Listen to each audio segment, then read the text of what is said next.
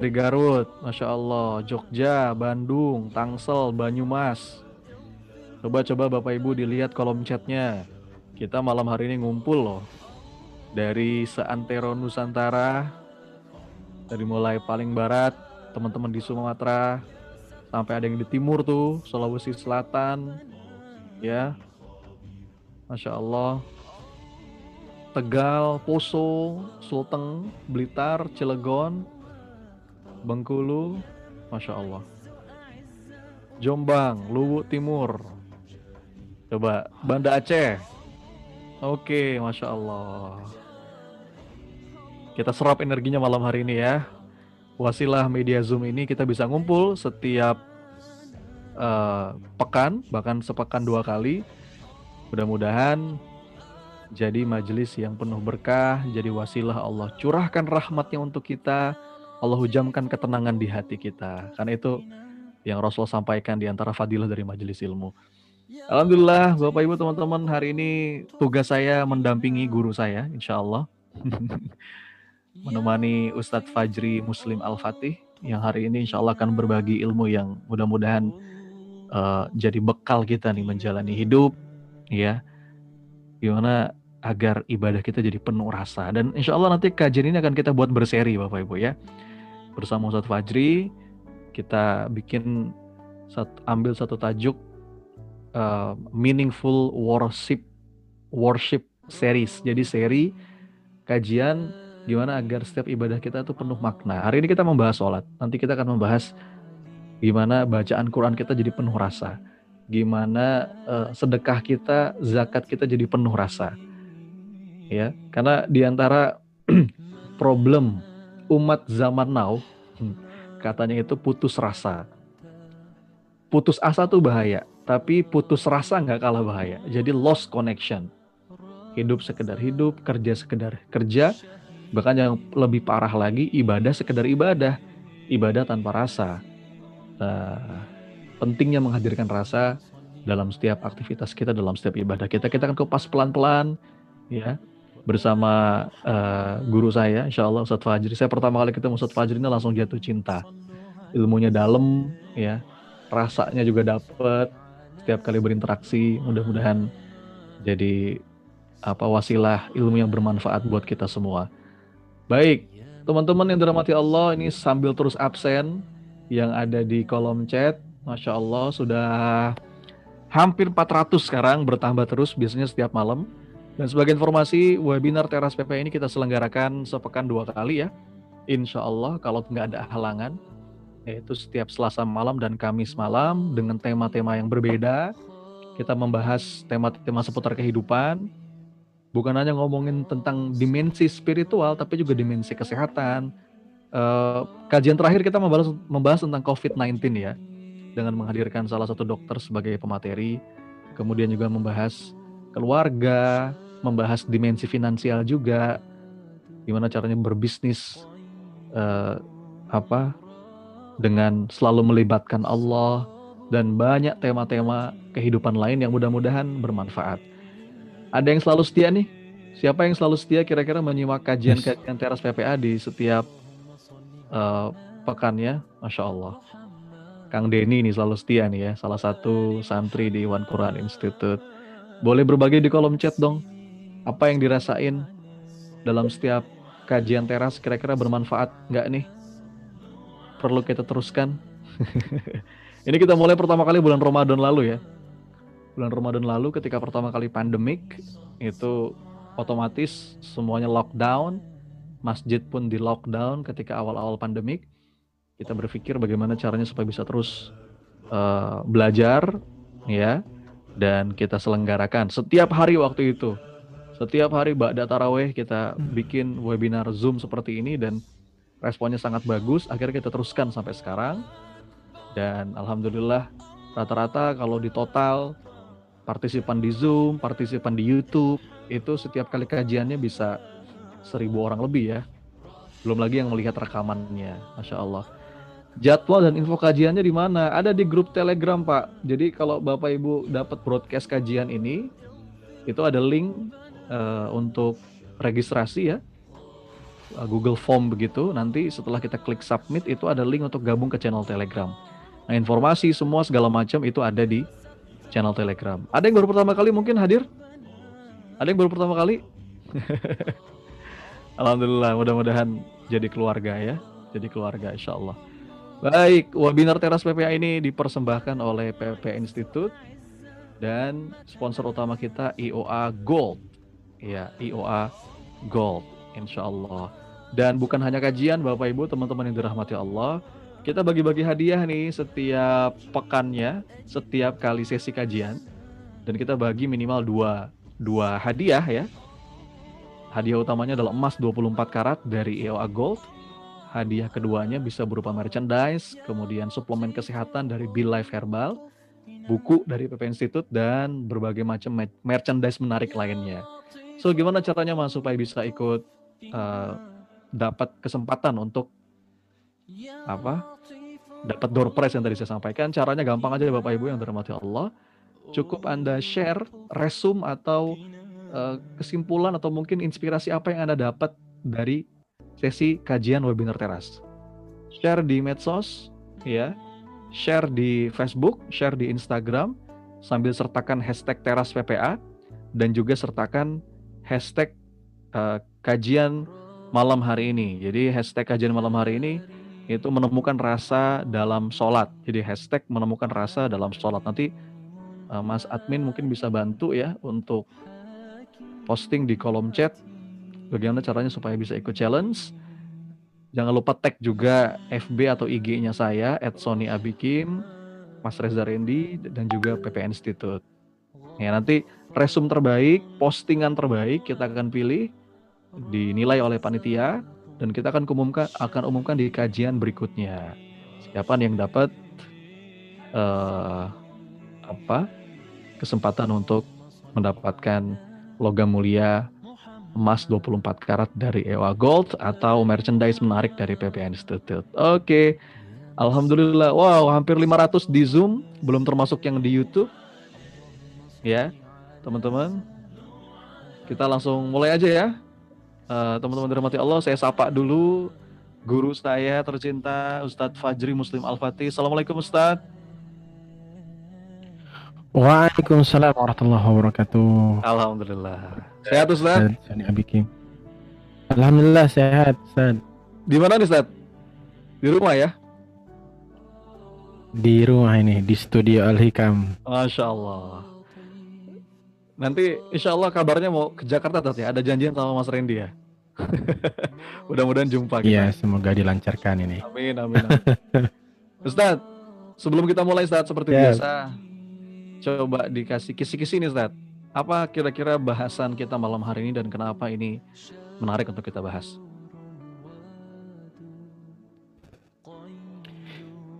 Bismillah, Ustadz Sony Abikim, gurunda yang tawaduk luar biasa nih malam hari ini berkenan mendampingi Al Fakir yang seharusnya ketuker nih ya kawan-kawan harusnya enggak lah Al Fakir yang bridging ini ya. Sebagai awalan uh, pengen memberi analogi aja Ustaz. Ya. Kemarin saya sempat ngisi pengajian di daerah Puncak. Mm -mm kemudian ada salah satu peserta nih uh, baru beli kuota begitu. Mm-hmm.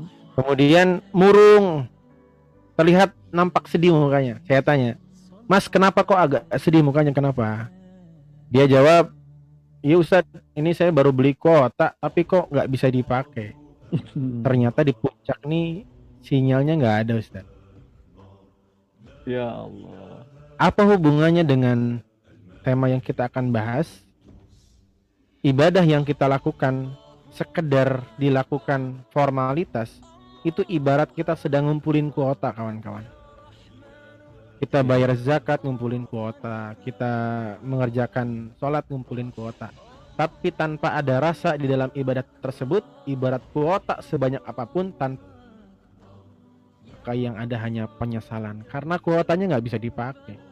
Begitu Sad Masya Allah. Jadi, menarik analoginya Sad jadi walaupun kuotanya banyak tapi nggak nyambung ya Tat? Iya begitu sih. karena sinyalnya nggak ada. Makanya banyak yang kemudian curhat Ustaz, saya udah sholat, ya saya Allah. tahajud rajin, duha rajin, kok hati saya gelisah ya? Yaitu kuotanya banyak tapi tidak bisa mengakses pertolongan Allah akibat bukan kurang kuota, bukan kurang jenis ibadah, tapi kurang connect to Allah begitu. Allah akbar. Aduh, saya kok jadi kesindir begini ya? Mudah-mudahan ini malam saya pribadi saya. Mudah-mudahan berkah nih malam hari ini ya. Uh, wasilah lisannya Ustadz Fajri mudah-mudahan Allah hujamkan di hati kita hikmah ya. Hidayah Allah lembutkan hati dan bisa menemukan rasa dalam setiap ibadah kita. Udah siap? Belajar belum nih? Coba-coba saya mau minta responnya di kolom chat. Sudah siap kira-kira? Bismillah. Ya jangan lupa hadirkan hati ya kosongkan gelasnya minta sama Allah untuk menghujamkan hikmah dan hidayah baik Sebelum saya serahkan ke Ustadz eh, Fajri, Fajri Muslim Al-Fatih, seperti biasa kita simak dulu uh, bumper yang berikut ini ya. Ya.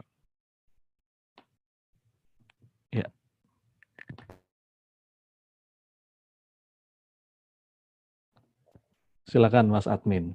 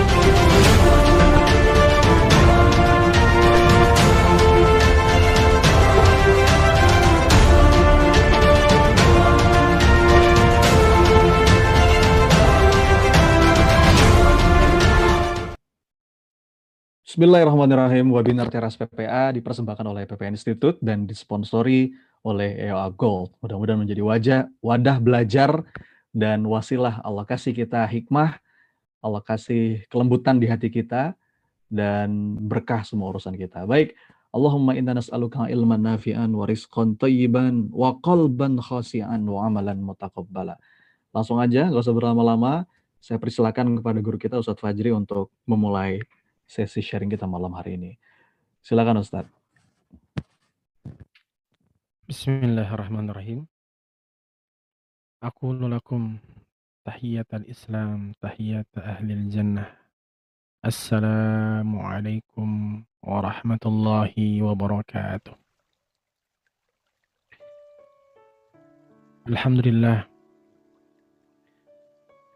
Alhamdulillahi rabbil alamin alladhi qad hadana li wa ma kunna linahtadiya laula an hadanallah.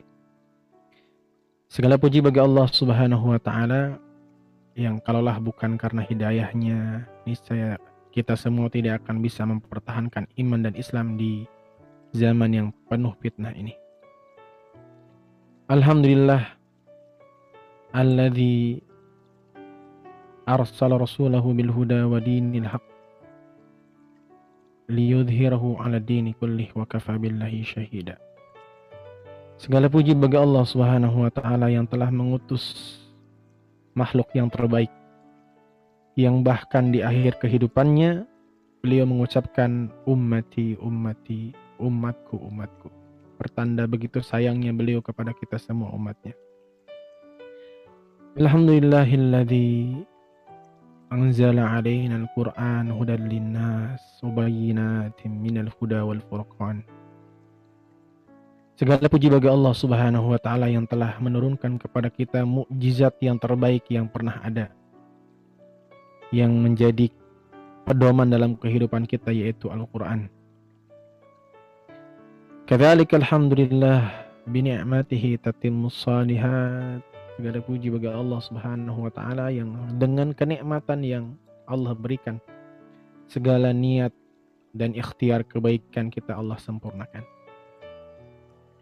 Allahumma salli wa sallim wa barik wa zid ala nabiyyina Muhammadin sallallahu alaihi wasallam wa ala alihi sahbihi ajma'in.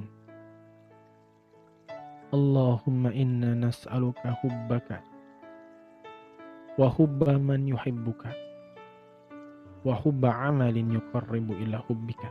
Amin ya Allah. Allahumma la sahla illa ma ja'altahu sahla wa anta taj'alul hajna idza ji'ta sahla Allahumma inni a'udzu bika min ilmin la yanfa wa min qalbin la yakhsha Amin ya Allah. Wa min min amalin la yurfa wa min du'ain la yusma' Allahumma inni a'udzu bika min qalbin ghafil. Allahumma inni a'udzu bika minal aba wal istikbar. Kawan-kawan yang semoga senantiasa dirahmati oleh Allah Subhanahu wa taala, wabil khusus gurunda Ustaz Sony Abikim yang begitu tawadu mau membersamai Al-Fakir yang masih minim ilmu ini. Semoga kawan-kawan semua wabil khusus gurunda yang banyak membimbing keluarganya Allah buat sakinah mawadah warahmah anak-anaknya solih solihah meninggal kelak dalam keadaan husnul khatimah ini sambil ngecek dulu nih sebelum mulai lagi nyoba sound baru nih gurunda terdengar jelas gak nih suara saya mohon Alhamdulillah kalau di saya jelas Dad. jelas ya Mic baru ternyata ya. Iya ini semenjak ngisi kajian Zoom jadi Zoom semua nih Ustaz kajian Iya. di Brebes Tegal.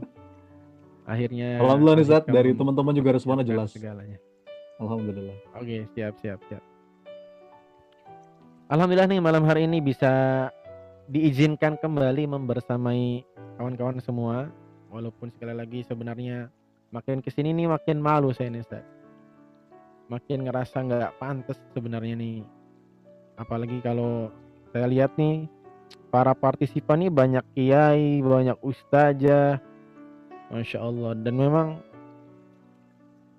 seiring saya ngisi teras nih saya bisa menyimpulkan Ustadz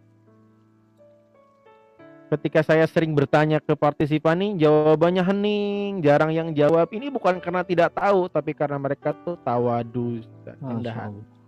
jadi yang jawab tuh hanya segelintir orang saja Masya Allah padahal saya yakin di sana ada kiai ada ustadz ustazah semoga Al Fakir bisa Allah titipi kata-kata yang bermanfaat kata-kata yang kira-kira bisa merubah hidup kita lebih dekat Amin. kepada Allah Subhanahu wa taala. Amin ya Allah. Amin.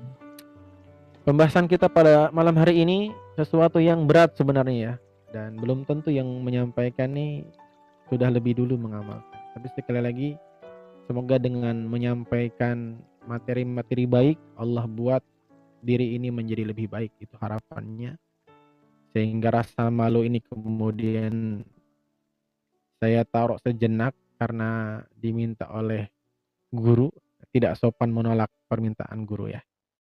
Malam hari ini kita akan bahas satu tema terinspirasi dari buku karangan Ustadz Sony Abikim nih. Saya lagi baca buku beliau yang mana dari awal ketemu gitu ya, dari awal saya ikut training PPA private class itu saya kok merasakan banyak hal-hal yang tidak baru sebenarnya.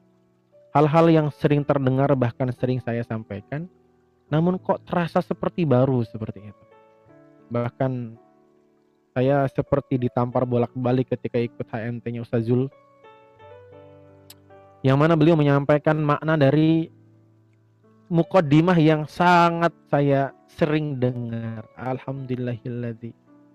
Allahumma inni a'udzubika ya Allah alhamdulillah ya rabbil alamin wa bihi nasta'in wa ala umuri din dan dan muqaddimah yang lain yang selama ini barangkali kita ucapkan hanya sebagai formalitas saja. Dan analogi tadi di awal ini menjadi pembahasan pembuka bagi kita ya. Karena saya pernah ngalami langsung di puncak begitu. Lihat muka peserta waktu itu saya ikut ngisi pengajian di relawan BPBD di Kabupaten Brebes dan acaranya agak sedikit ke atas ke puncak banyak relawan nih mukanya lesu Ustaz. Apa yang paling lesu tuh siapa? Yang paling lesu itu peserta yang baru beli kuota. Jadi dia sebelum pergi ke puncak itu beli kuota sampai sana sama sekali nggak bisa dipakai karena kuotanya paling banyak. Artinya orang yang kelak paling menyesal adalah orang yang banyak ibadah yang menjadi rutinitas. Tetapi rutinitas ibadah ini dikerjakan hanya sebagai formalitas tanpa rasa. Maka ibadah-ibadah yang dikerjakan itu seperti kuota yang dikumpulkan tetapi tidak bisa digunakan untuk mengakses pertolongan Allah, untuk mengakses ketenangan kehidupan karena sinyal yang dibutuhkan untuk memanfaatkan kuota ini tidak ada. Maka semoga pembahasan kita malam hari ini bisa bareng-bareng nguatin sinyal. Makanya kalau saya tanya nih ke teman-teman, mohon responnya supaya tidak kelihatan sendirian. Kira-kira kalau suruh milih, milih mana nih? Atau punya kuota sedikit sinyalnya kuat atau kuota banyak tapi sinyalnya lemah. Redup muncul, redup muncul. Kira-kira kalau di suruh milih, milih mana nih? Kuota sedikit sinyalnya kuat atau sinyalnya lemah, kuotanya banyak. Oh iya, ada yang jawab sinyal kuat kuota banyak. Masya Allah emang jawabannya partisipan PPA ini luar biasa ya. Selalu menjawab dari sesuatu yang tidak diberikan pilihannya ya. Masya Allah Memang tentu idealisnya kawan-kawan semua jamaah ibu bapak yang semoga dirahmati oleh Allah Tentu jawabannya kuota banyak dan sinyal banyak. Tapi tentu ini sesuatu yang sulit. Oleh karena itu Rasulullah SAW bersabda Inna ahabbal a'mali indallahi adwamuha wa in Bahasa mudahnya Sesungguhnya yang paling Allah cintai adalah hamba yang memiliki kuota sedikit tapi sinyalnya kuat. Bukankah satu giga itu lebih terasa bermanfaat jika sinyalnya 4G daripada kuotanya 100 giga tetapi nggak ada sinyal. Nah, inilah yang kemudian menjadi alasan terbetik di dalam pikiran ingin membahas meaningful worship series begitu. Bagaimana agar semua kuota-kuota yang kita miliki yang kita kumpulkan dari jenis ibadah yang banyak, sholatkah, zakatkah, sedekahkah dan lain-lainnya bisa disertai sinyal yang kuat sehingga kuota yang banyak itu bisa mengakses pertolongan Allah, bisa download ketenangan hidup, bisa download kemudian eh, kesejukan dalam kehidupan dan lain sebagainya yang hendak kita download dalam kehidupan kita di dunia dan kelak di akhirat. Begitu kira-kira kawan-kawan. Kira-kira nih materi seperti ini penting nggak nih kawan-kawan? Mohon responnya. Kalau nggak penting nih, mending gak usah dilanjutin ya Ustadz Sony ya. Iya kan hidup kita itu kan wa ma khalaqtul jinna wal insa illa liya'budun. Tidaklah manusia diciptakan kecuali untuk beribadah. Kalau hal ini nggak penting ya kira-kira Gak usah dikerjain aja, masya Allah. Ini jawabannya penting, penting banget nih. Dari sekian banyak kuota nih, saya analogikan ibadah yang kita kerjakan kuota ya, biar lebih bisa diterima. Kenapa harus membahas sholat? Padahal ada haji, ada umroh, ada zakat, ada ibadah-ibadah yang lain. Kenapa yang kita bahas sholat? Jawabannya Kenapa sholat yang kita bahas? Karena sholat adalah bentuk komunikasi seorang hamba dengan robnya. Rasulullah SAW mengatakan, sesungguhnya jika salah seorang di antara kalian berdiri di dalam sholat, sebenarnya dia sedang bermunajat. Wahuwa yunaji. Dia sedang bermunajat dengan robnya. Imam Al-Mustafa Dib Al-Bugha mengatakan, munajat memiliki makna seorang hamba yang sedang sholat hakikatnya dia sedang berbincang berduaan dengan Allah Subhanahu wa taala. Allah, mesra banget ya Zat. Luar biasa nih, masya Allah. Makanya sampai-sampai Ustaz, kawan-kawan semua ibu-ibu, ibu-ibu, bapak-bapak, ibadah sholat ini menjadi tolak ukur baik tidaknya ibadah yang lain. Rasul bersabda begini, Inna awwala ma yuhasabu bihil amdu yawmal qiyamah as-salah. Sesungguhnya amal ibadah yang pertama kali dihisap adalah sholat. Jika sholatnya baik, benar, ibadah hajinya, umrohnya, sodakohnya, dan ibadah yang lain dianggap benar. Tapi jika sebaliknya, sholatnya kemudian cacat, sholatnya kemudian tidak baik, hajinya, umrohnya, ibadah yang lain dianggap tidak baik. Why? Pertanyaannya kenapa kok sholatnya baik, yang lain jadi baik, sholat yang buruk, yang lain jadi buruk? Berarti gini dong Ustadz, kalau sholat saya buruk, haji saya jadi buruk. Ya. Berarti kalau saya sholatnya tidak benar, berarti ibadah yang lain dianggap tidak benar. Iya. Karena sholat adalah bentuk komunikasi seorang hamba dengan Robnya. Ingat kawan-kawan, Allah Subhanahu wa taala sama sekali tidak membutuhkan sedikit pun ibadah dari yang dari hamba yang kemudian kita lakukan. Dalam hadis yang panjang riwayatnya, Allah mengatakan seandainya seluruh makhluk dari Adam sampai manusia terakhir semuanya tidak beribadah kepada Allah.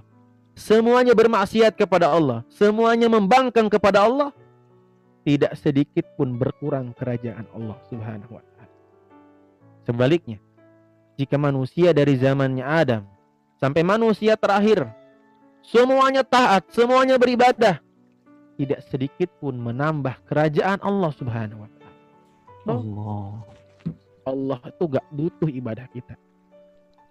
Allah cuma pengen kita mendekat. Allah cuma pengen kita selalu dekat dengan Tuhannya. Karena tanpa ibadah yang kita kerjakan pun Allah tidak berkurang kerajaannya. Dan inti dari komunikasi, inti dari seseorang jika pengen dekat sama yang lain. Saya ini pengen dekat sama Bang Sony nih. Saya manggilnya apa nih? sama Mas Sony nih. Saya pengen dekat. Bagaimana caranya? Ya seringin ngobrol. Seringin diskusi. Sering berduaan. Betul ya? Tidak mungkin akan menjadi akrab kalau kita tidak pernah ngobrol. Jadi kedekatan tuh awalnya dari dari sering bertengkrama, dari sering berduaan ngobrol diskusi bareng. Dan kenapa ibadah sholat menjadi tolak ukur kebaikan bagi yang lain? Karena komunikasi, kawan-kawan semua, adalah pintu gerbang kebaikan yang lain. Komunikasi yang buruk membuat niat baik menjadi tidak baik. Dan sholat adalah bentuk komunikasi antara seorang hamba dengan Allah. Artinya jika komunikasi kita dengan Allah buruk, maka niat ibadah kita yang lain jadi buruk. Analoginya begini, saya pernah dapat cerita nih dari guru saya. Ada suami istri baru menikah. Kan kalau baru menikah kan lagi so sweet so sweetnya ya. Suami istri ini hidup sederhana naik sepeda. Suaminya memboncengkan istrinya. Saking sahdunya ini suami istri yang baru menikah, suami ini suaminya ini nengoknya ke belakang terus ke istrinya terus. Gak fokus ke jalan di depannya. Akhirnya terjerambablah sepedanya jatuh ke selokan, ban depan suaminya, ban depan sepeda suaminya patah. Padahal itu sepeda satu-satunya untuk dia beraktivitas. Dan juga anting yang digunakan oleh istrinya hilang sebelah kanan. Sepeda suaminya patah satu rodanya sehingga nggak bisa dipakai sepedanya. Anting sebelah kanan istrinya pun hilang. Maka dituntunlah sepeda itu bersama istrinya. Di dalam hati suaminya bergumam, ih kasihannya istri saya punya anting cuma sebelah kiri, sebelah kanannya hilang. Ah nanti saya jual aja deh itu roda sebelah kanan eh sebelah belakang sisanya buat saya beliin anting sebelah kanan biar anting dia lengkap. Begitupun istrinya. Dia pun cinta kepada suaminya bergumam dalam hatinya. Ya Allah kasihan ya suami saya sepedanya cuma satu roda belakangnya aja roda, roda depannya nggak ada. Maka dalam hatinya pun dia bergumam ah nanti saya jual aja ah anting sebelah kiri saya biar tak belikan roda depan sepeda suami saya. Sudah berpisah tanpa berkomunikasi, suaminya pergi ke pasar, ke toko emas, sebelumnya menjual roda belakangnya, dapat uangnya dibelikan anting sebelah kanan yang hilang dari istrinya. Istrinya pun pergi ke pasar, menjual anting sebelah kirinya, membeli ban roda depannya. Maka keduanya bertemu di rumah dengan niat baik memberikan surprise begitu kejutan dan betul ketika suaminya membuka kado untuk istrinya, istrinya membuka kado untuk suaminya, mereka berdua betul-betul terkejut. Kenapa? Karena suaminya membawa anting sebelah kanan, hasil menjual roda belakang yang tersisa dari sepedanya. Sebaliknya istrinya membawa roda depan, hasil menjual anting sebelah kiri. Niat keduanya baik, kawan-kawan ibu bapak semua. Tapi tanpa komunikasi yang baik, tidak ada kebaikan yang bisa menjadi nilai kebaikan. Inilah kenapa sholat menjadi tolak ukur bagi ibadah yang lain.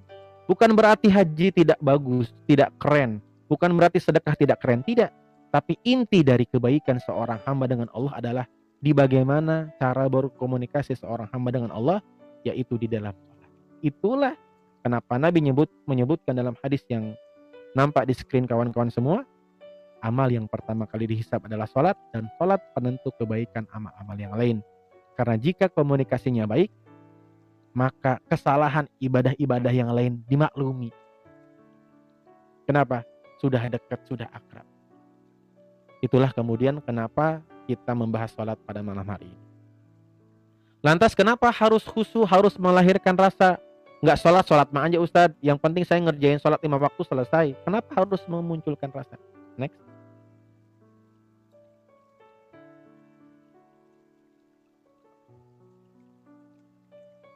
Ya kenapa sholatnya harus pakai rasa?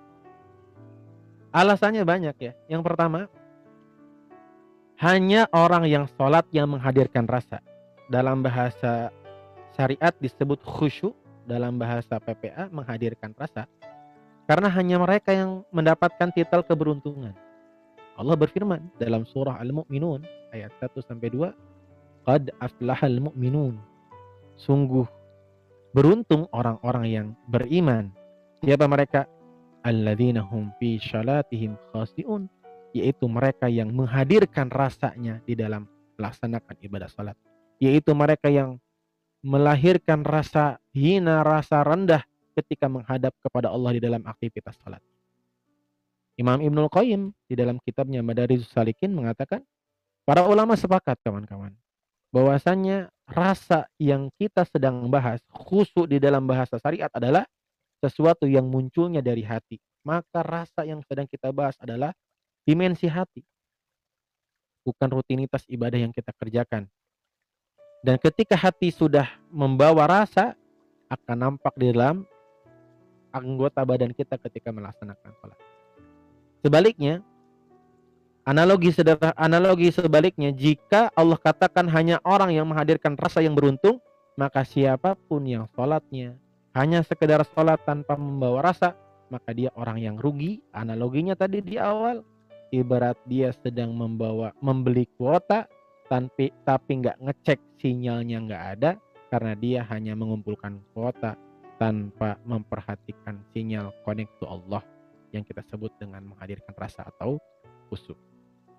Yang kedua, alasan yang kedua yang membuat kita harus berusaha ini nggak gampang menghadirkan rasa ini nggak gampang.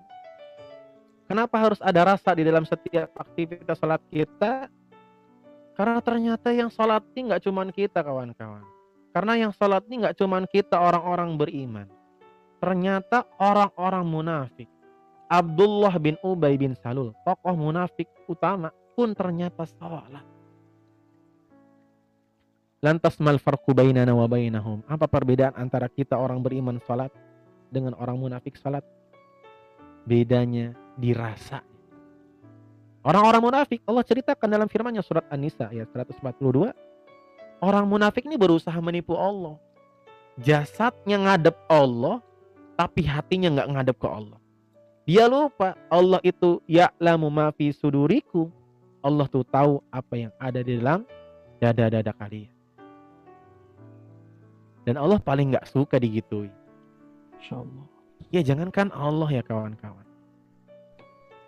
Kita aja manusia biasa kalau sedang berkomunikasi ngobrol bareng berdua. Tiba-tiba kita ngajak ngobrol, kita seneng nih ngajak ngobrol. Eh dia ngelamun, pikirannya ke mana? Orang kalau pikirannya ke mana-mana ngelamun, kita bersuara pun dia nggak denger. Kita tersinggung nggak kira-kira? Jawabannya kita tersinggung. Kita tersinggung manusia yang banyak dosa, banyak hilaf pun tersinggung, apalagi Allah yang menciptakan kita, yang ngasih rizki ke kita. Kadang-kadang kita lupa, sholat itu sedang menghadapi apa. Yang ketiga, alasan juga yang memperkuat kita yang kemudian harus berusaha sekali lagi menghadirkan rasa di dalam aktivitas sholat kita. Yang ketiga yaitu ternyata tanpa rasa yang dimunculkan dalam sholat, sholat kita justru bukan memunculkan cintanya Allah, bukan memunculkan menghadirkan pahala balasan baik dari Allah, justru akan datang kecelakaan yang menimpa orang-orang yang sholat tanpa rasa. Orang-orang yang sholat yang tidak khusus lalai dalam melaksanakan sholat. Kita udah hafal sama-sama suratnya. Di juz 30. Fawailul lil musalli. Kalau kita baca di tafsir lain kawan-kawan. Kalimat wail yang kita sering baca barangkali di sebagian ayat Al-Quran. Itu ternyata nama sebuah lembah wadin fi jahannam. Wail itu ternyata nama sebuah lembah di neraka jahanam yang kata Imam Jalalain dalam tafsirnya kalau kita melemparkan batu dari permukaannya nyampe dasarnya 70 tahun. Itu yang disebut oleh Allah wailun aywadin fi jahannam. Bayangkan seberapa dalam itu lembah di neraka jahanam kita lemparkan batu dari permukaannya baru nyampe ke dasarnya selama 70 tahun. Dan itu Allah ancamkan salah satunya kepada orang yang alladzinahum fi salatihim khasiun. Orang yang melalaikan aktivitas salatnya. Barangkali ini bentuk ketersinggungan ya. Dan jangankan Allah sekali lagi kita pun manusia merasa tersinggung ketika kita mengajak berbicara.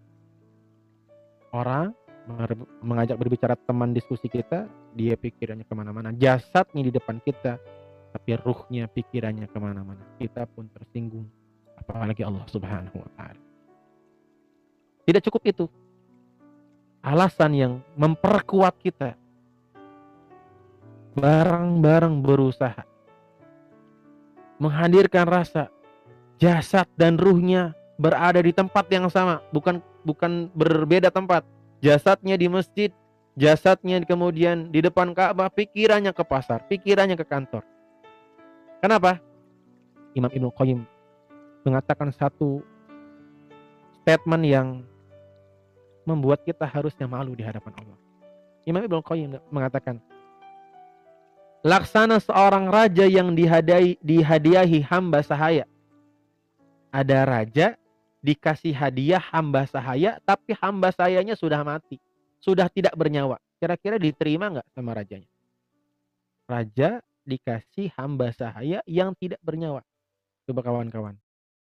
Kira-kira diterima nggak sama rajanya? Tentu jawabannya tidak.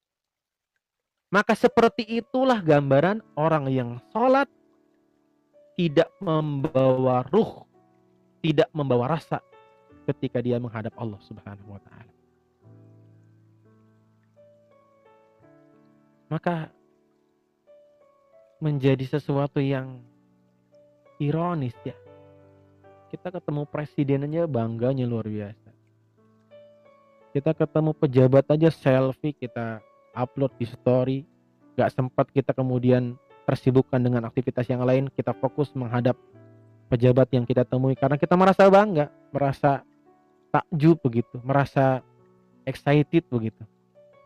Padahal ketika kita sedang sholat, kita sedang menghadap yang menciptakan Pak Presiden kita. Menciptakan semua pemimpin dunia, semua manusia. Maka alangkah buruknya kita jika kita betul-betul tidak sadar sedang menghadap sang pencipta dengan membawa jasad tanpa rasa, membawa tubuh tanpa pikiran yang menyertainya.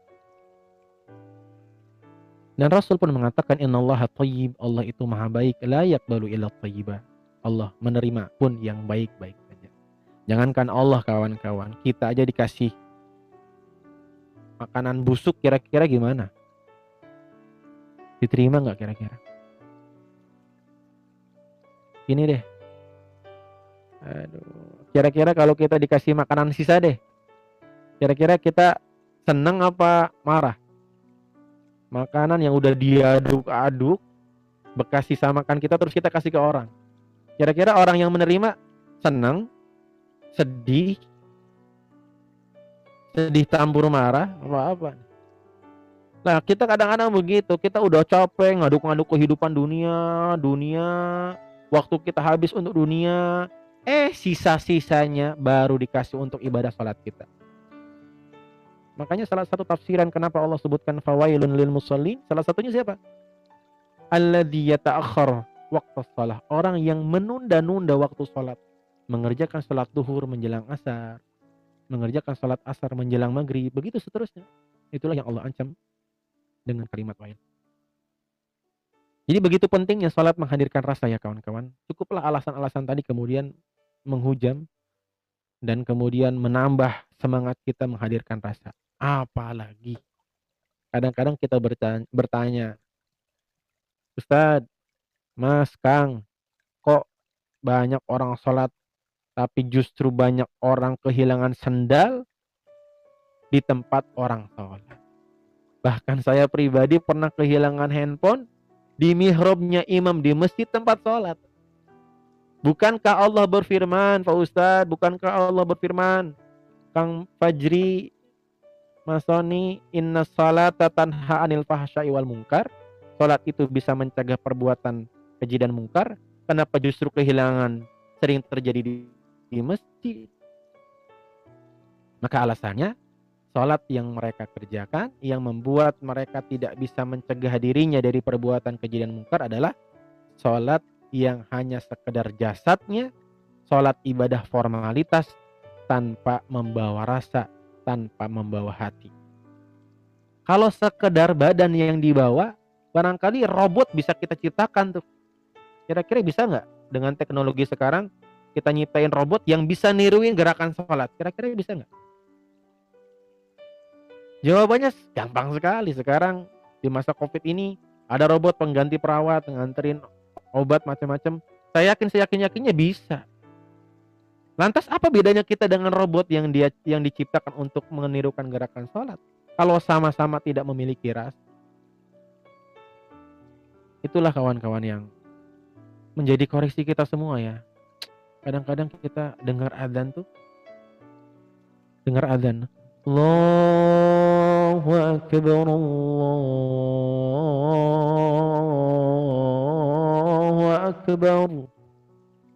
dulu sahabat-sahabat Nabi ketika mendengar adzannya Bilal bergetar hati mereka apalagi adzan Bilal yang dikumandangkan pertama kali setelah wafatnya Rasul Seluruh penduduk Madinah keluar meneteskan air mata. Begitu rindunya mereka dengan Rasulullah ketika mendengar adanya Bilal bin Abi Rabah. Kita sekarang mendengar adzan, apa respon kita? Allahu Akbar, Allahu Akbar. Eh kok sudah adzan lagi? Responnya kok suka sudah adzan lagi?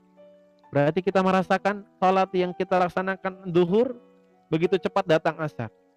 Kebanyakan kita merasakan salat masih bersifat beban sehingga semangat yang kemudian muncul hanya cepat-cepat selesai tanpa kemudian merasakan kita sedang menghadap Allah Subhanahu wa taala. Kira-kira dari semua yang hadir ini pernah nggak sih sholat tanpa menghadirkan rasa? Kok Al-Fakir ngerasain sering ya sholat tanpa rasa? Kira-kira kalau partisipan yang hadir nih, jawabannya pernah. Sering atau tidak pernah? Ih sering Ustaz ya Allah. Kadang-kadang Ustaz Satu menu selesai di satu sholat Ustaz Allahu Akbar. Sholat subuh hari Ahad. Ini pagi sarapan apa ya? Bapaknya anak-anak lagi di rumah Allahu Akbar ruku sambil mikir di kulkas kayaknya ada ayam tuh ya. Sami Allahu liman hamidah sambil mikir enaknya ayam diapain ya. Allahu Akbar sambil sujud sambil mikir kayaknya dikecapin enak. Itu sampai salam satu menu selesai ibu-ibu. Atau kadang-kadang sesuatu yang tidak diingat di sholat, di luar sholat, tiba-tiba muncul ingatan itu di dalam sholat. Pernah nggak kawan-kawan ngalamin itu? Kunci hilang. Sebelum sholat nggak kita nggak nggak nggak inget sama sekali kunci itu di mana. Pas sholat malah inget. Pernah nggak? Sering.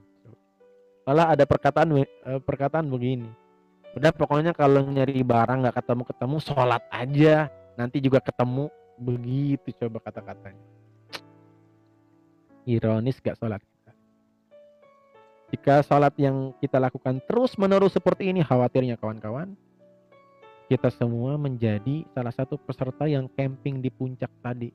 Yang lemes, mukanya suram. Kenapa? Kuotanya 90 giga tapi nggak bisa dipakai apa-apa. Kenapa? Karena nggak ada sinyal, nggak ada rasa. Astagfirullahaladzim. Astagfirullah. Begitu ya kawan-kawan, jadi penting banget barang-barang menghadirkan rasa. Gimana sih sholat dengan rasa Ustadz? Saya kok belum ada bayangan.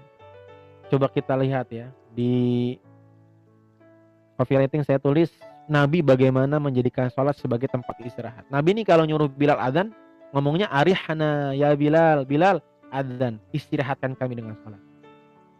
Rasul ini setiap ada masalah sekecil apa pun beliau mengadu kepada Allah dengan Nanti ada alasan di antara kita, Ustadz, itu makan Rasul, kita kan manusia biasa. Oke, sahabat Nabi ada, ada. Ali bin Abi Thalib ketika perang terkena anak panah di kakinya. Sontak sahabat yang lain kemudian berusaha mencabut anak panahnya. Ali mengatakan, wait tunggu dulu. Cabut anak panah ini nanti aja pas saya sholat. Dan ajaibnya kawan-kawan, ketika Ali bin Abi Thalib sholat dicabut anak panahnya, bercucuran darahnya, tak sedikit pun Ali merasakan rasa sakit. Nanti datang lagi alasan Ustadz itu kan sahabat Nabi. Oke, saya kasih contoh. Bukan Nabi, bukan sahabat Nabi. Orang-orang ini tidak pernah ketemu Nabi. Yang pertama, Imam Bukhari. Next. Tentu kita kenal ya siapa Imam Bukhari ya kawan-kawan. Ulama yang paling tersohor di dalam pembahasan hadis sahih karena beliau paling ketat di dalam seleksi uh, seleksi hadis. Diriwayatkan Imam Bukhari suatu ketika melaksanakan sholat zuhur bersama sahabatnya yang lain. Setelah selesai, ulama besar ini Imam Bukhari melaksanakan sholat sunnah. Setelah usai melaksanakan sholat sunnah, Imam Bukhari mengangkat ujung gamisnya. Jadi selesai sholat sunnah tuh Imam Bukhari angkat ujung gamisnya. Sambil bertanya ke teman-temannya yang lain di belakang, wahai kawan-kawan, kalian lihat gak di dalam gamis saya itu ada apa? Ternyata ditemukan di sebalik gamis Imam Bukhari ada lebah yang besar dan ternyata nampak ada 16 sampai 17 bekas sengatan lebah di tubuhnya Imam Bukhari yang membuat tubuhnya bengkak. Sontak sahabat-sahabat yang bertanya, "Wahai Imam, kenapa engkau tidak membatalkan dari sengatan pertama? Kenapa sampai 16 sengatan engkau tetap melanjutkan sholat?" Apa jawaban Imam Bukhari kawan-kawan? Tadi aku sedang membaca surat. Dan aku ingin menyempurnakan bacaannya. Sehingga aku tidak merasakan rasa sakit sengatan lebah tersebut. Masya Allah ibarat kata lagi ngobrol nih, lagi seru-serunya ngobrol, ngobrol kira-kira kita ditepuk dari belakang kerasa enggak? Enggak.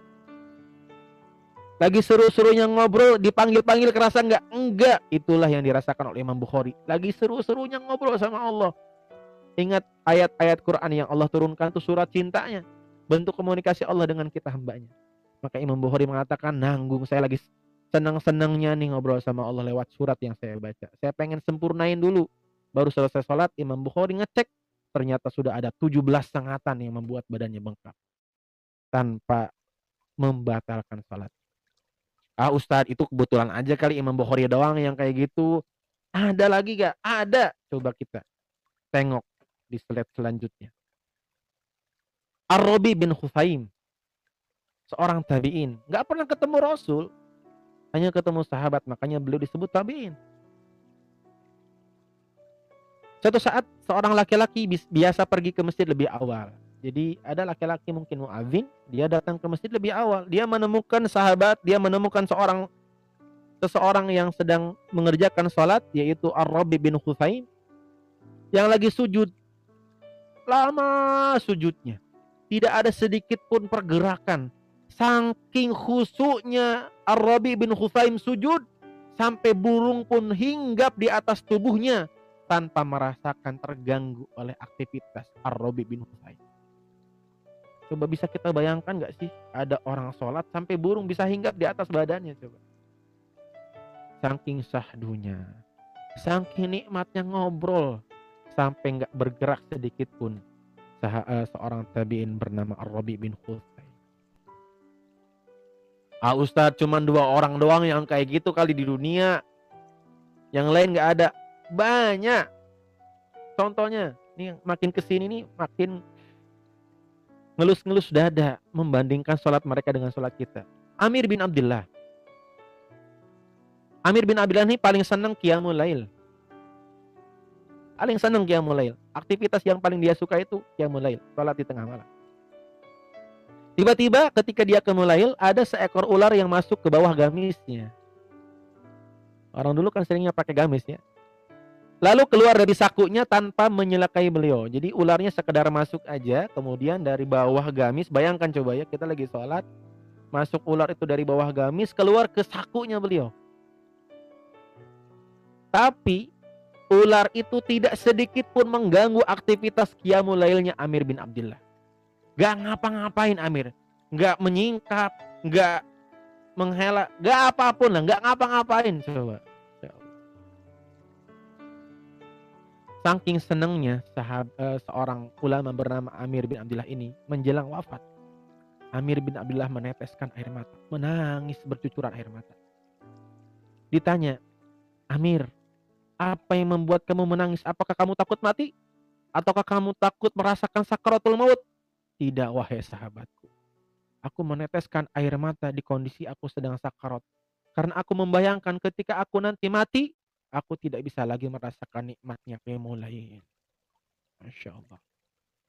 Beliau menangis karena ketika beliau meninggal nanti, beliau membayangkan tidak bisa lagi menikmati manisnya qiyamul lail. Masya Allah. Jadi kalau baca kisahnya ulama dulu tuh makin ya Allah, Fajri itu kok jauh banget ya. Nggak cukup nih kisah ini, tambah lagi. Ustadz Ustadz Sony, next.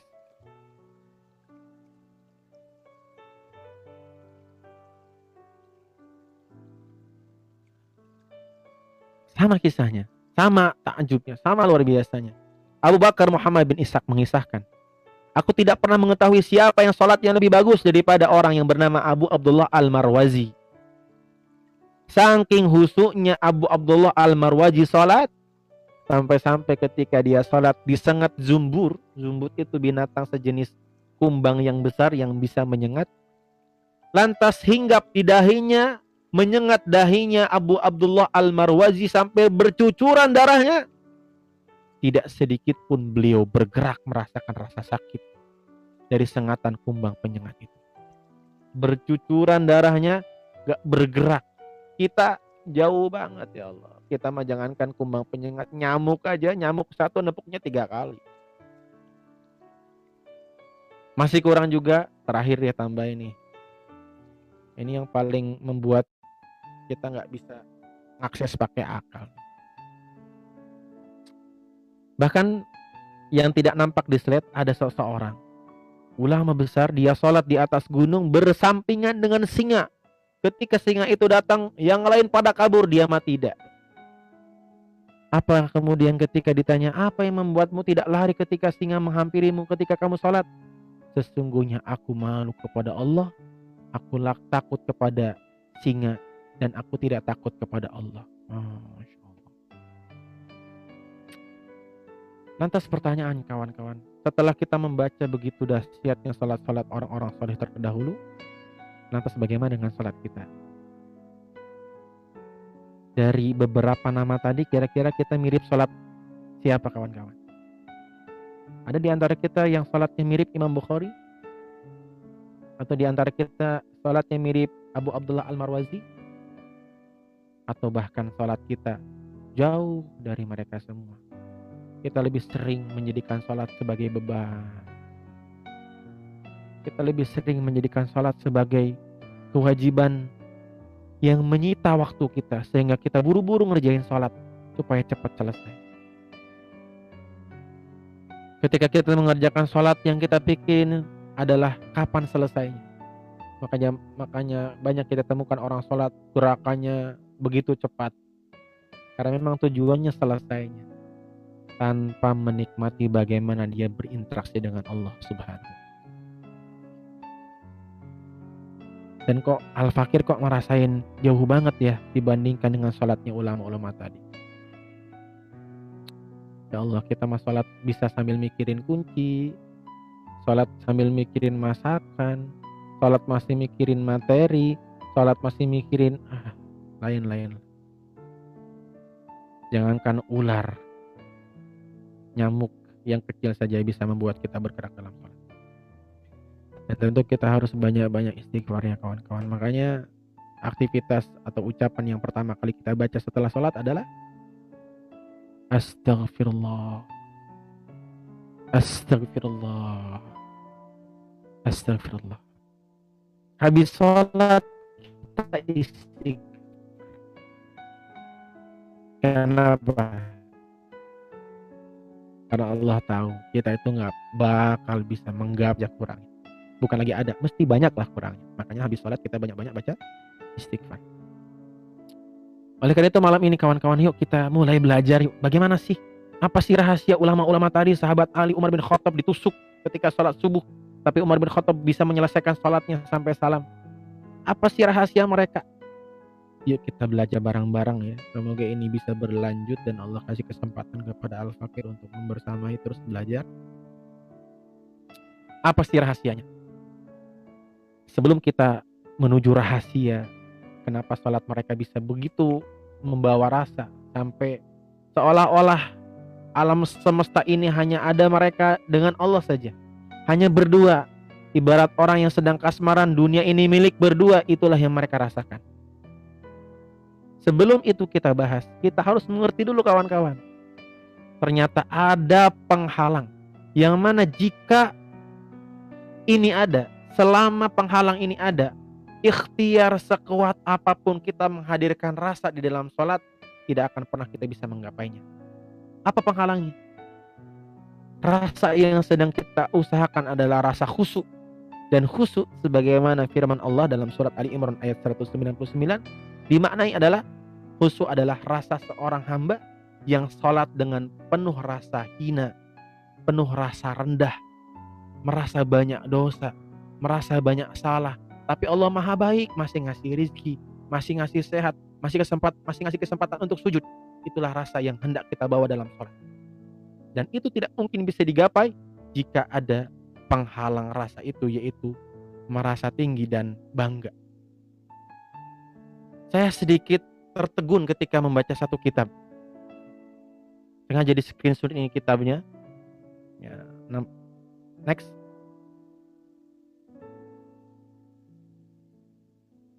Di dalam kitab Syarah Al-Hikam Al-Atiyah halaman 103 ini saya kasih uh, underline ya. Saya baca pelan-pelan supaya betul-betul bisa kita pahami benar-benar uh, apa ya sampai ke hati kita. Di dalam kitab ini berbunyi lau annaka la tasilu ilahi illa ba'da fana'i masawika wa mahwi dawaika lam tasil ilahi abada. Walakin idza arada ayyusilaka ilahi ghatta wasfaka biwasfihi wa na'ataka bina'tihi fa wasalaka ilaihi bima minhu ilaika la bima minka ilaihi. Pernah nggak sih kita merasakan begini? Ya Allah, kok hidup saya gini banget padahal kan saya udah sholat saya udah zakat saya udah haji udah umroh zikir tiap hari. Kok hidup kita kerjakan pantas mengundang pertolongan Allah? Seolah-olah ibadah yang kita kerjakan pantas mengundang Allah. Padahal kawan-kawan saya underline nih kalimat yang betul-betul menohok diri saya. Wajatta mahasinaka kullaha masawiyah. Harusnya seorang hamba merasakan kebaikan-kebaikan yang kita kerjakan semuanya harusnya sama rasanya dengan kesalahan-kesalahan yang kita kerjakan. Karena sama-sama tidak akan pernah bisa membalas nikmat Allah Subhanahu wa taala yang begitu banyak yang telah Allah berikan kepada kita. Jadi kalau hidup kita ditolong, kalau hidup kita dimudahkan, itu bukan karena ibadah yang kita kerjakan kepada Allah, fawasolaka ilaihi bima minhu la bima minka.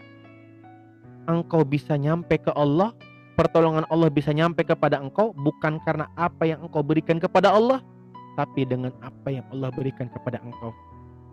Karena Rasul pun bersabda la yadkhulul jannata ahadun bi'amalih.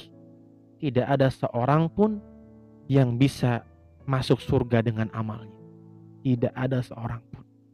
Sahabat sontak bertanya, "Kadzalika anta ya Rasulullah?" Begitu juga engkau hai Rasul tidak bisa masuk surga dengan amalmu? Kadzalika ana. Begitu juga saya. Saya pun tidak bisa masuk surga dengan amal. Illa bi rahmatillah. Kecuali karena rahmat Allah Subhanahu wa taala. Maka yang harus digarisbawahi kawan-kawan, ibadah itu ciri utamanya tazallul Ibadah itu ciri utamanya merasa hina.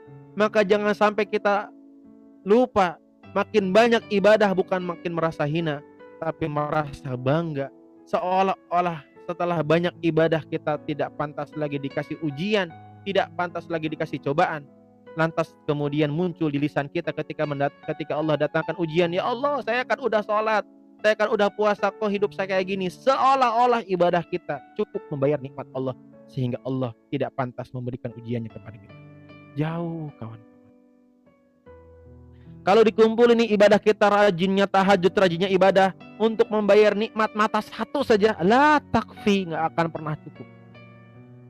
Bagaimana mungkin ibadah yang nggak cukup membayar nikmat mata kita andelin untuk menggapai ridhonya Allah, untuk menggapai pertolongan Allah? Enggak. Ibadah yang kita kerjakan murni hanya sedang merayu bukan me bukan men, bukan menggapai dengan amal tapi amal yang kita kerjakan murni hanya sekadar untuk merayu Allah. Supaya Allah memberikan rahmat dan maghfirahnya kepada kita. Jadi nggak pantas banget ya kita ngomong kayak gitu. Ya Allah kok saya hidupnya kok kayak gini? Padahal banyak ibadah. Seolah-olah ibadah kita sudah cukup membayar nikmat. Yang Allah telah berikan. Padahal nikmat satu mata saja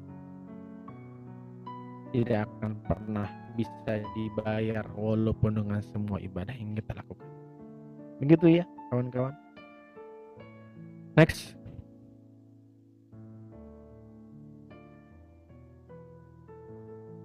Suara saya masih jelas kawan-kawan. Ini tadi ada chat suaranya putus-putus putus-putus di Ustaz Sony jelas Insya Allah, aman, Insya Allah aman. Aman ya. Oke. Oke sekarang kita melangkah ke step bagaimana cara supaya kita bisa meniru tuh tadi sholat-sholat ulama yang kita sebutin. Minimal mendekati lah.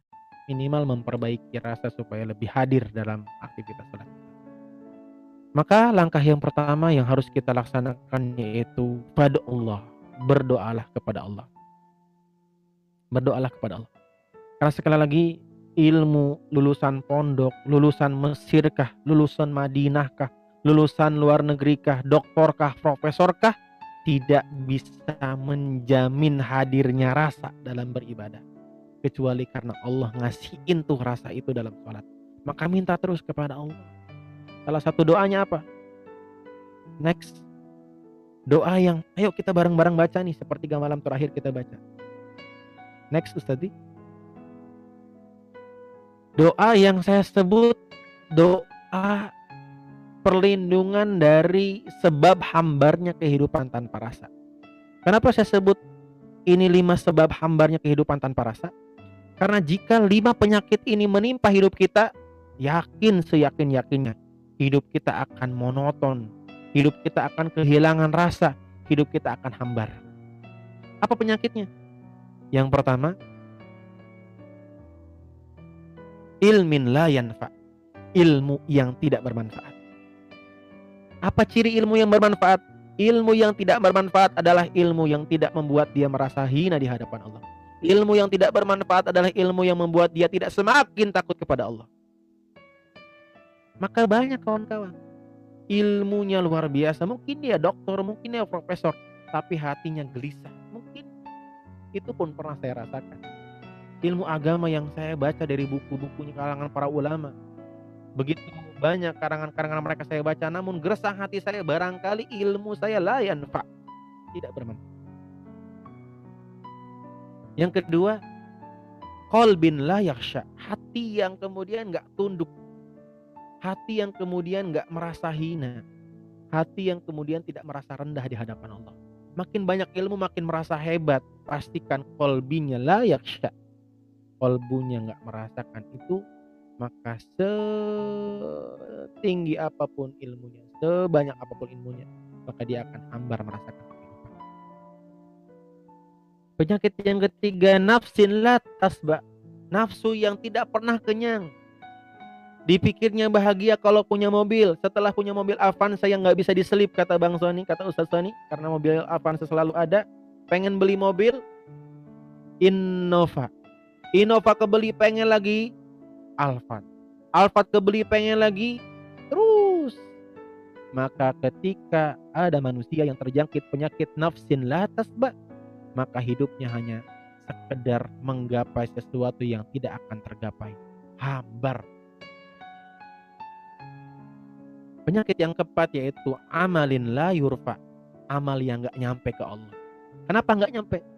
Dari awal ilmunya gak manfaat, hatinya gak husu, nafsunya nggak pernah kenyang karena dia pikir dia bisa bahagia dengan dunia padahal tidak akan bisa hati kita tercukupi kecuali dengan ber, berzikir kepada Allah Subhanahu wa taala. Yang terakhir yang membuat hambar hidup seorang yaitu amalin uh, doain la Maka kemudian kawan-kawan yang semoga dirahmati oleh Allah Subhanahu wa taala, doa ini patut kiranya kita baca terus-menerus.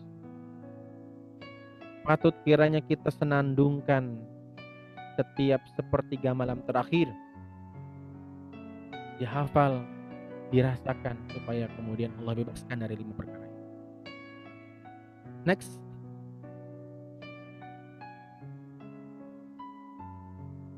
Next tadi. Yang kedua, yang kemudian bisa menghadirkan rasa di dalam ibadah sholat kita itu yakinilah bahwasanya setiap kita sholat bukan sekedar formalitas ibadah tapi kita sedang menghadap Allah subhanahu wa ta'ala. Allah berfirman wasta'inu bisabri wassalah minta tolonglah kepada Allah dengan sabar dan salat wa innaha lakabirah. Sesungguhnya salat itu berat illa alal khasyiin kecuali atas orang-orang yang khusyuk kecuali atas orang-orang yang membawa rasa. Siapa mereka? Alladzina yadhunnuna annahum mulaqu rabbihim. Orang-orang yang yakin dirinya sedang menghadap kepada Allah Subhanahu wa taala. Jika kita memang tidak bisa membayangkan Allah karena Allah tidak bisa dipermisalkan dengan makhluknya Rasul memberikan solusi fa illam takun tara fa innahu yara jika engkau tidak bisa membayangkan Allah, maka yakinilah Allah sedang melihat kita. Coba kawan-kawan kalau kita lagi kerja nih. Lagi kerja tiba-tiba bos ada di depan kita. Kira-kira kerjanya khusu nggak? Khusu banget Ustaz. Nggak berani megang handphone Ustaz. Fokus ngerjain apa yang saya kerjain. Bos di depan saya mau dipecat apa Ustaz? Begitulah harusnya rasa yang kita bawa ketika kita sholat. Yang tadi disebut itulah yang namanya rasa ihsan. Muraqabatullah, merasa selalu diawasi oleh Allah Subhanahu wa taala. Yang ketiga, langkah yang harus kita lakukan supaya rasa ini muncul di dalam aktivitas sholat kita yaitu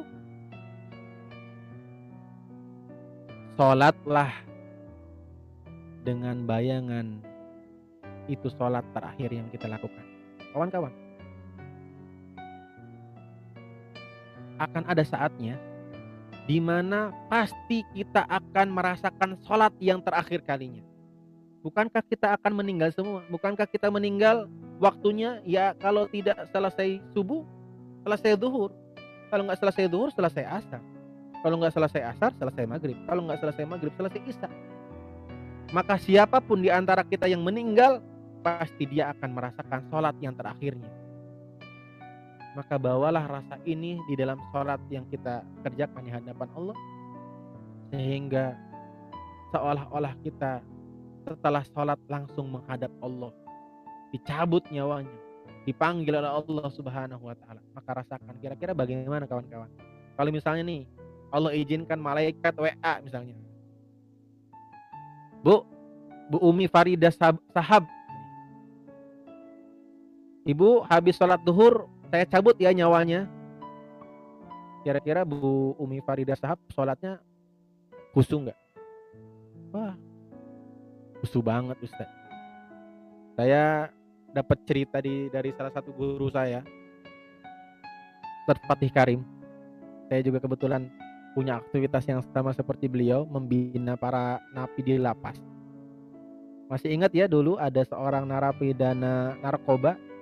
Saya lupa namanya Ferdinand atau siapa tuh ya? Dihukum mati dia kan? Dihukum mati. Salah satu fadilah yang dia dapatkan dia ngerti tanggal matinya dia. Karena sudah ditentukan tanggal sekian dihukum mati. Maka satu bulan sebelum hukuman mati dia berubah drastis Ustadz Fatih Kain menyaksikan dengan mata kepalanya sendiri begitu khusyuk dia melaksanakan sholat ba'diyah seolah-olah dia akan bertemu dengan Allah Subhanahu wa taala. Freddy ya namanya.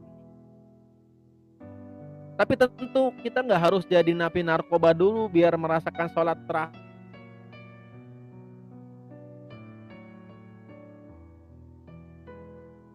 Ketiga, bawa terus rasa sholat yang kita kerjakan adalah sholat yang terakhir. Bisa kita kerjakan. Next. Selanjutnya, nah ini yang penting nih. Menurut saya dari sekian banyak faktor-faktor menurut saya menurut Al-Fakir inilah faktor yang paling mempengaruhi khusus tidaknya salah seseorang yang paling bisa mempengaruhi muncul tidaknya rasa di dalam aktivitas salat yaitu apa? Memahami makna dari gerakan dan bacaan salat ya logikanya bagaimana mungkin kita bisa khusyuk Bagaimana mungkin kita bisa menghadirkan hati kalau kita nggak paham apa yang kita baca? Maka ini menjadi kunci dari semua kunci yang ada. Memahami makna dari gerakan dan bacaan. Sampai-sampai Allah ngelarang ibu-ibu, bapak-bapak, kawan-kawan. Allah berfirman, Ya ayyuhalladzina amanu la taqrabus shalah wa antum sakar. Wahai orang-orang beriman, jangan dekati salat dalam keadaan kamu mabuk. Apa ciri-ciri mabuk? Ciri-ciri mabuk kalian tidak sadar apa yang kalian ucapkan. Jangan-jangan kita seperti itu, kawan. Maka yuk kita belajar bareng-bareng nih. Memulai pembahasan yang inti dari meaningful worship series yaitu berusaha memahami makna dari bacaan dan gerakan sholat yang kita sering kerjakan. Yang pertama bersuci. Tentu sebelum kita sholat kita harus bersuci dulu. Salah satu bersuci yang paling sering kita kerjakan adalah wudhu. Tanpa wudhu aktivitas sholat kita tidak sah. Maka jangan harap kita bisa sholat khusyuk kalau dari aktivitas bersucinya nggak benar, nggak menghadirkan rasa. Kita wudhu main wudhu aja.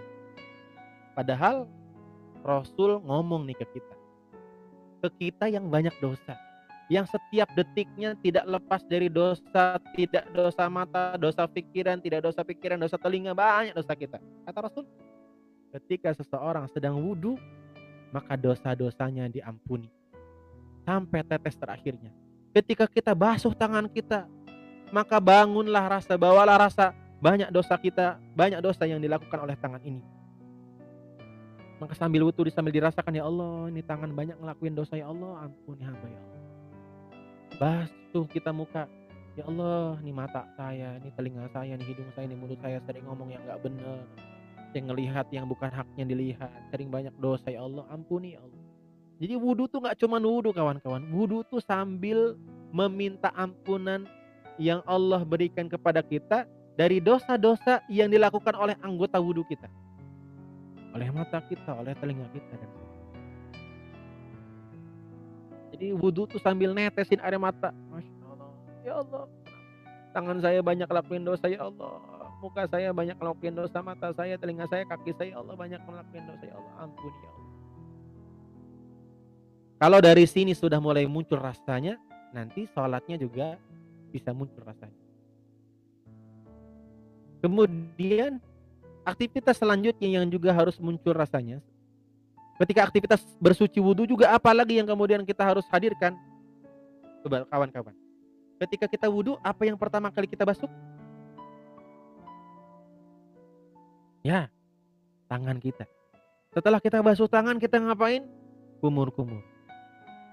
Apa maksudnya kawan-kawan yang semoga dirahmati Allah subhanahu wa ta'ala maka jangan berharap deh sholat kita bisa khusyuk, bisa memunculkan rasa. Kalau kita belum memastikan harta nafkah yang kita ambil dengan tangan kita betul-betul bersih, bebas dari harta haram. Jangan harap kita bisa khusus sholatnya sebelum kita memastikan apa pun yang dimasukkan ke mulut kita bersih terbebas dari harta haram. Maka coba deh kita tanya, jangan-jangan kita nggak bisa khusus gara-gara kita tidak selektif memilih makanan Jangan-jangan kita tidak pernah khusyuk, sering tidak khusyuk gara-gara terselip makanan yang tidak Allah ridhoi masuk ke perut kita lewat mulut kita. Maka ketika basuh tangan nih sambil ingat ya Allah, iya ya, gak bakal saya bisa ngerasain nikmatnya ibadah kalau sumber harta yang saya ambil dengan tangan saya tidak tidak bersih, tidak halal. Tidak akan saya bisa merasakan nikmatnya ibadah sebelum saya bisa memastikan apa yang saya masukkan ke mulut saya bersih halal karena tidak akan pernah bersatu harta haram dengan kekhusyuan dalam beribadah. Gak akan pernah. Kemudian setelah wudhu kita juga menghadap kiblat. Kita selama ini ngadap kiblat cuma ngadap kiblat aja. Kadang-kadang nggak ngerti maknanya, kadang-kadang nggak ngerti rasanya. Padahal saya tanya nih, Salat ini kan harus menghadap kiblat sebagaimana Allah firmankan dalam surat Al-Baqarah 144 kan ya boleh nggak saya sholatnya saya bosan nih ngadep kiblat terus saya ngadepnya ke tempat yang lain ke tempat yang lain deh boleh nggak kira-kira kawan-kawan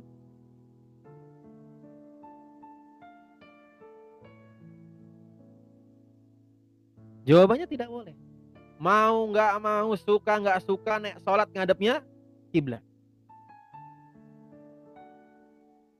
Maka dalam kehidupan kita, pastikanlah apa pun yang kita akan jalani sesuai dengan pandangan Allah Subhanahu wa taala.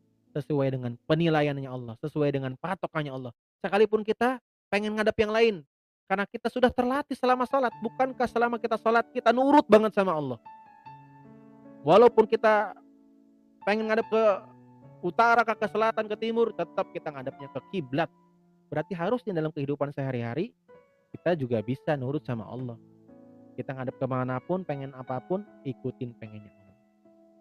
Yang kedua, rasa yang harus kita bawa ketika ngadepin badan ini ke kiblat, ikuti dulu maunya Allah, nanti Allah akan turuti mau maunya kita. Coba di di apa namanya ditengok firman Allah di surat uh, Al-Baqarah 144 Allah akan berfirman begini kawan-kawan.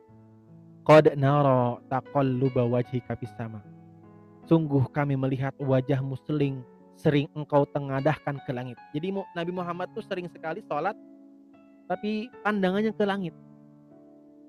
Tahu nggak kenapa sebabnya? Karena Rasul saat itu sholatnya masih menghadap ke Masjidil Aqsa, padahal hatinya pengen banget menghadap ke Ka'bah. Jadi saat ayat ini turun, kiblat kita masih ke Masjidil Aqsa. Nabi Muhammad ini sering menghadap ke Allah gitu ya Allah pengen banget sholat ngadepnya ke Ka'bah. Kenapa? Rasul sholat menghadap Masjidil Aqsa padahal Ka'bah ada di belakangnya. Tapi Rasul tetap ngikutin maunya Allah. Rasul tetap menghadap Masjidil Aqsa. Setelah Rasul nurut sama Allah, Allah turutin maunya Rasulullah. Allah pindahkan kiblat dari Masjidil Aqsa ke Masjidil Haram. Fawalli wajhaka syatral Masjidil Haram. Nabi Muhammad, ya sekarang aku turutin. Sekarang kamu ngadep ke Masjidil Haram. Maka dalam kehidupan kita sehari-hari ikutin dulu maunya Allah. Ikutin aja arahannya Allah. Nanti kalau Allah sudah melihat kesungguhan kita menuruti perintah Allah, Allah kasih maunya kita. Next.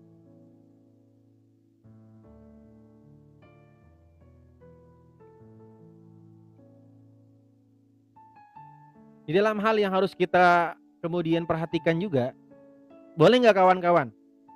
Jam 10 pagi saya udah pengen banget sholat duhur, pengen banget. Boleh nggak saya sholat duhur jam 10 pagi? Nggak boleh, tapi kan pengen banget. Tetap nggak boleh Ustadz, walaupun pengen banget. Karena belum waktunya.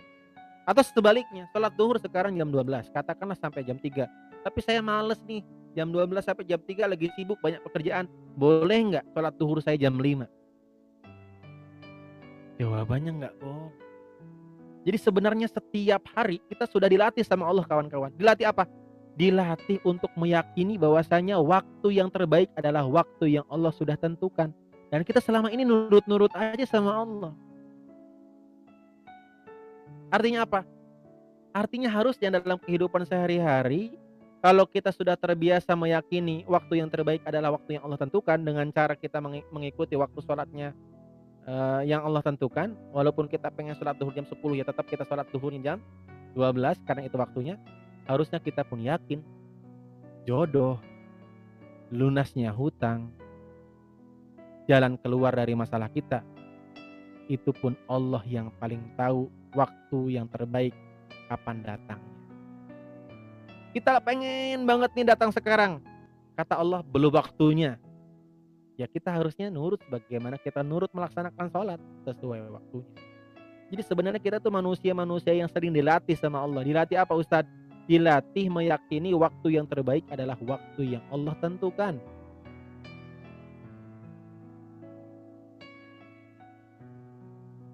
Masya Allah.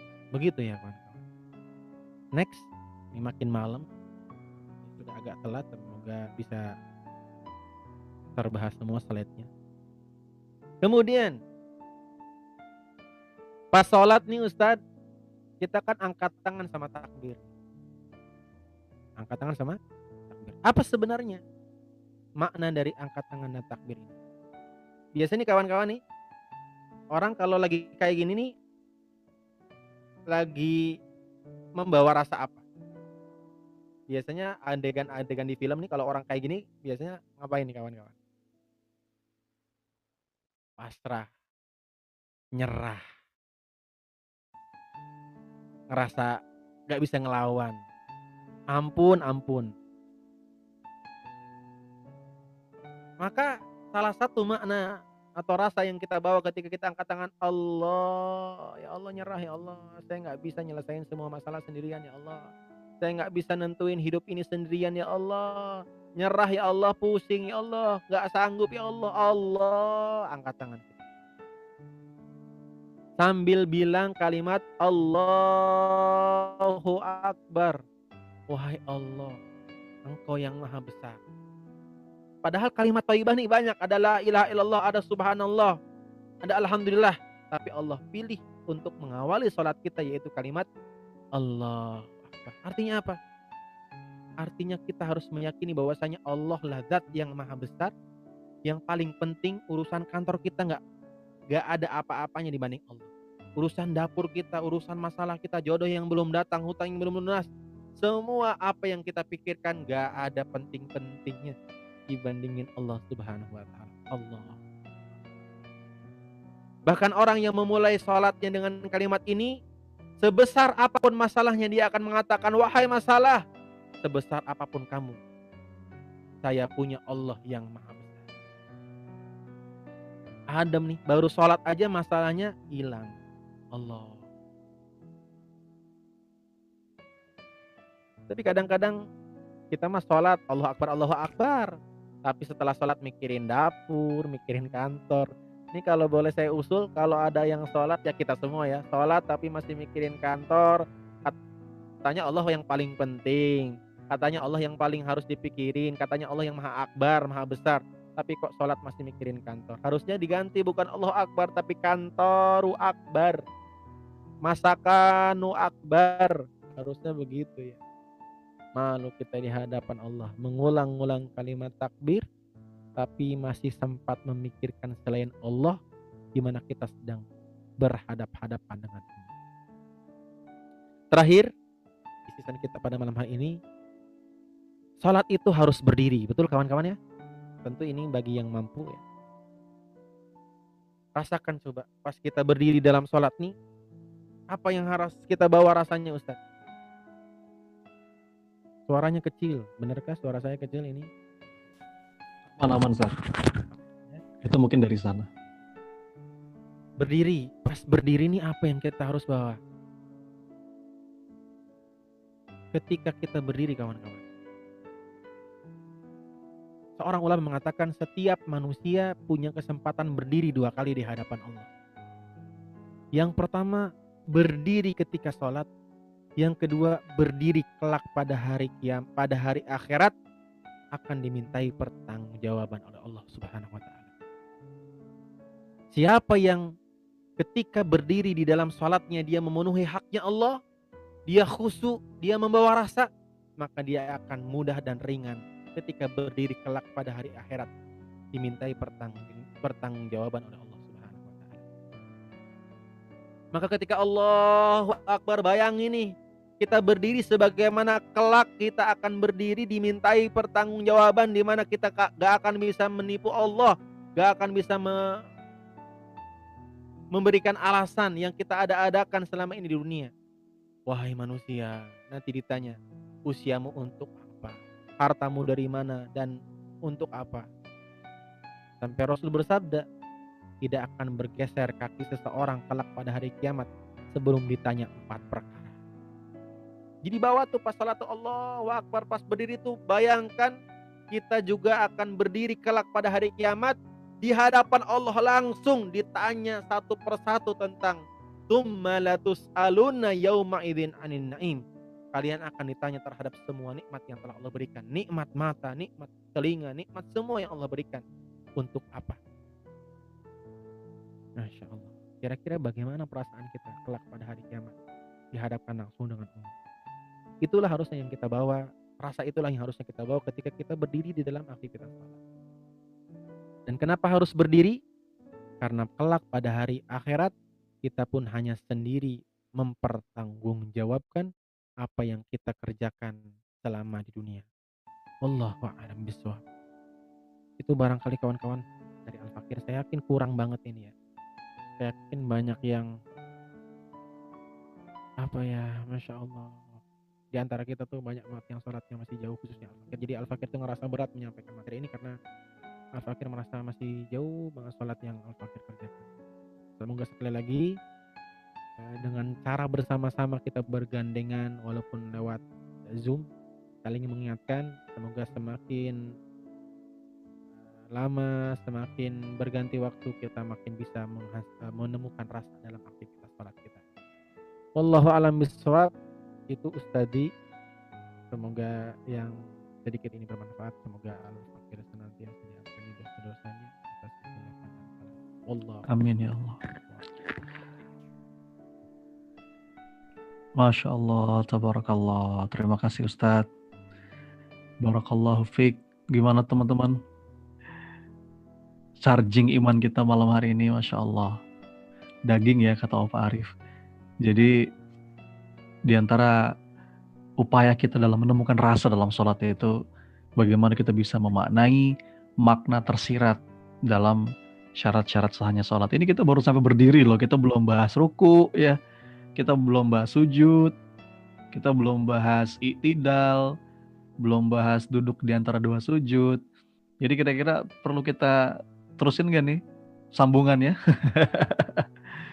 insya Allah ya kita nanti ada part 2 dan uh, seri-seri berikutnya insya Allah teman-teman. Jadi tadi saat Fajri baru membahas sampai kita berdiri itu aja udah, aduh kayaknya pengen buru-buru sholat lagi ya, pengen buru-buru ngambil wudhu, pengen buru-buru berdiri karena ketika wudhu kita harus hadirkan rasa di saat wudhu itu kita sedang membersihkan dosa-dosa kita, gitu kan. Ketika kita menghadap kiblat, kita sedang mengarahkan pandangan kita sesuai dengan inginnya Allah, bukan inginnya kita.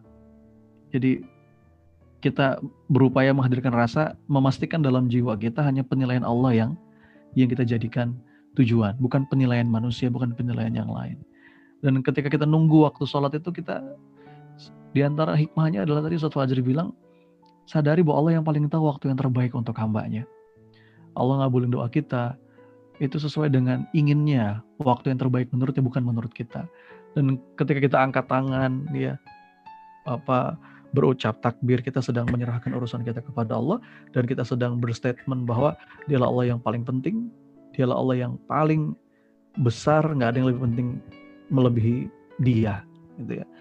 Dan ketika berdiri ini kita akan berdiri dua kali di hadapan Allah kata Ustaz Fajri tadi yang pertama ketika sholat di dunia dan nanti ketika kita harus mempertanggungjawabkan segala perbuatan kita di akhirat Masya Allah ya saya merasa banyak banget dapat insight Ustadz. Terima kasih jazakumullah khairan atas ilmu-ilmu antum. Mudah-mudahan antum jagain terus sama Allah. Baik, teman-teman dirahmati Allah, masih ada waktu sebelum jam setengah sepuluh ada lima menit ya, lima menit. Mungkin bagi ada yang mau nanya boleh via kolom chat ya. Uh, sebelum saya atau boleh juga nanti raise hand, tapi singkat padat jelas ya. Mungkin uh, satu pertanyaan saja karena waktu. Dan sebelum itu saya akan umumkan dulu pemenang dari kajian yang sebelumnya ya. Mungkin Mas admin bisa bantu nih. Ada uh, apa? Informasi pengumuman untuk kajian yang terakhir bersama eh, Dr. Muhammad Fajri ya. Nah, ini terima kasih Mas Admin. Ini ada yang pertama akun face akun Instagram ya atas nama Siti Junita. Selamat, resumnya keren, dapat hadiah logam mulia. Ya, EOA Gold dari sponsor utama kita. Lalu pemenang kedua akun Facebook atas nama Mulyanto. Ya, mendapatkan satu satu paket uh, suplemen kesehatan dari Be Life Herbal Be Slim. Selamat. Dan teman-teman bagi yang mau kebagian juga door prize-nya, jangan lupa bikin resume challenge di medsos, sertakan hashtag teras PPA dan hashtag judul kajian malam hari ini menemukan rasa dalam sholat. Boleh tag juga saya, tag Mas Reza Rendi, tag juga Kak Triawan Kolopita, iya, dan juga tag Ustadz Fajri juga boleh, Facebooknya di add, ya. Nanti uh, sharing terbaik, postingan terbaik, resume terbaik itu akan kita pilih ya menjadi pemenang dan akan kita umumkan di uh, kajian berikutnya. Baik, satu pertanyaan mungkin di kolom chat saya coba cek dulu di kolom chat belum ada. Ini ada yang angkat tangan ini Om Tri ganteng. Wah, ini juga Om Tri ini selalu setia nih. Ini kajian-kajian teras. Mangga Om Tri ganteng singkat padat jelas ya Om ya. Silakan langsung ke Ustadz Fajri. Assalamualaikum Pak Ustadz. Waalaikumsalam. Wah itu loadingnya hampir penuh tuh. ini memang karena sering mengikuti ini karena otak masih loading Pak Ustadz, masih banyak perlu ilmu dan bimbingannya Pak Ustadz. Mohon maaf kalau mungkin ada yang kurang berkenan Pak Ustadz. Nah itu sponsornya juga bagus loh kayaknya, EOA Mas Express ya. Ada dari Katoat. nah, yang pertama Pak Ustadz, ini ini nampar banget, nampar sekali, materinya sangat bagus sekali, aplikatif ya Pak Ustadz ya. Jadi sebelum ke yang iya. lain-lain, dasarnya dulu, basicnya dulu, sholat dulu, benerin dulu, kasarnya seperti itu.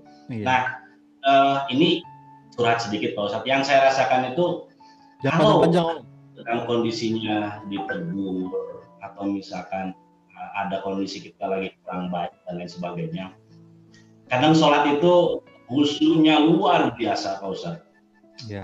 luar biasa gitu kadang saya juga sampai sampai sampai bingung uh, ini sebetulnya sholatnya harus uh, apa namanya uh, berapa banyak gitu kan saking saking apa namanya rindu gitu ya ingin ingin curhat ingin curcol ingin ngadu lah kasar seperti itu karena kalau ngadu ke orang atau ke makhluk itu kadang ya beda ya Pak Ustadz ya ketika kita kan ngadunya sama yang di atas itu lebih syahdulah kasar seperti itu.